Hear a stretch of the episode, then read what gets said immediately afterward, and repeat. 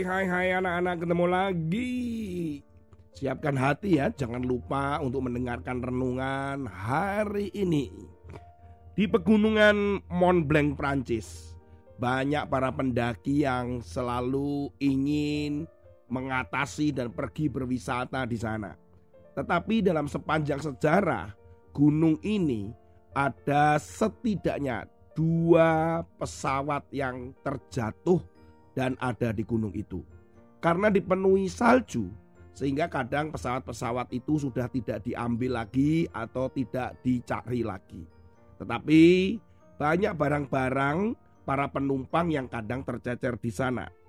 Pesawat yang jatuh di sana adalah pesawat salah satunya nih adalah pesawat dari maskapai India Air. Dan di situ pada tahun 1950 dan 1966.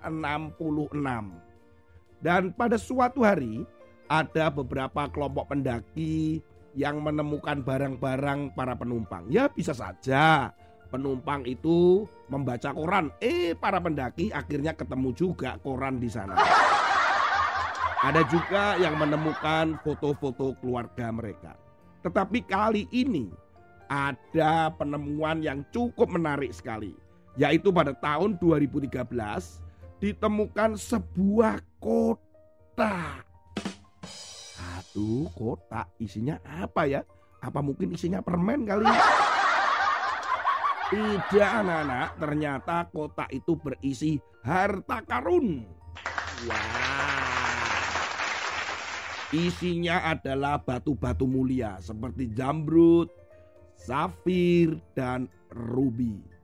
Kira-kira di dalam kota itu ada 6000 butir batu mulia yang nilainya mencapai kurang lebih nih 5 miliar rupiah. Para pendaki ini tidak kemudian langsung mengambil dan dibagikan kepada teman-temannya. Atau mungkin bisa saja dijual atau diam-diam. Hal itu bisa dilakukan oleh mereka tetapi mereka adalah orang-orang yang sangat jujur dan orang-orang yang sabar menanti. Akhirnya batu-batu itu diserahkan kepada pemerintah kota Camonik. Dan memang akhirnya diberitahukan kepada khalayak atau masyarakat siapa yang memiliki kota berisi batu mulia itu. Tetapi setelah bertahun-tahun anak-anak tidak ada yang mengaku atau tidak ada yang mengambil kota itu. Di dalam undang-undang atau peraturan di kota Camonik ini, kalau dua tahun tidak ada yang mengaku barang kehilangan atau perlu diambil, maka barang itu akan menjadi pemilik bagi yang menemukan. Karena kesabaran bertahun-tahun, para pendaki-pendaki tadi akhirnya mendapatkan kotak batu mulia itu anak-anak.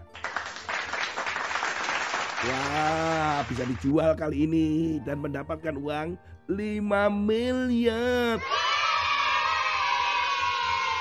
Beberapa waktu yang lalu wali kota Camonik Eric Fournier menyerahkan batu mulia itu kepada para pendaki. Bayangkan anak-anak sejak tahun 2013 ketika ditemukan. Setidaknya lebih dari dua tahun loh itu. Itu bisa lebih dari lima tahun, enam tahun. Wah, benar-benar dengan kesabaran mereka dan mereka bisa dibuktikan kejujurannya. Ternyata mereka mendapatkan berkat yaitu batu-batu mulia itu. Haleluya. Bagaimana dengan kalian? Dengan Kak Tony juga tentunya. Apakah kita bisa dengan sabar menanti? Apakah kita juga bisa memiliki kejujuran begitu? Untuk mendapatkan sesuatu Firman Tuhan hari ini anak-anak terambil di dalam Amsal pasal 16 ayat yang ke-32. Orang yang sabar melebihi seorang pahlawan. Orang yang menguasai dirinya melebihi orang yang merebut kota. Wah, ternyata para pendaki-pendaki tadi itu sabar itu. Ternyata lebih dari seorang pahlawan. Wah, luar biasa dia mereka juga bisa menguasai dirinya untuk ini untuk saya aja kita bagi aja. Nah ternyata mereka dengan jujur dan sabar dan menguasai dirinya untuk tidak serakah. Ternyata ujung-ujungnya mereka juga mendapatkan itu, berkat itu. Bahkan wali kota tadi sempat memuji-muji bagaimana sikap dan karakter para pendaki-pendaki itu anak-anak. Demikian pula dengan kalian dan Kak Tony. Bagi orang percaya kita harus sabar. Sabar dalam hal apa Kak Tony? Sabar ketika kalian mengalami situasi yang tidak menyenangkan. Misalkan di keluarga, di sekolah, kalian harus belajar sabar, menguasai diri. Ketika dimarahin atau ketika ditegur, kita harus mungkin sabar untuk mendengarkan. Ketika kita mengalami situasi yang tidak menyenangkan, suasana kelas, suasana rumah tidak menyenangkan, kalian sabar, tidak marah, kalian malah berdoa, kalian malah membantu mendamaikan, ada begitu banyak kesabaran dan menguasai diri itu di dalam kehidupan kita sehari-hari anak-anak. Kemudian contoh yang lain, menabung. Wah itu juga kesabaran tuh. Kak Tony juga pernah tuh menabung uang. Kemudian sedikit demi sedikit. Untuk apa anak-anak? Kak Tony waktu itu ingin membeli raket.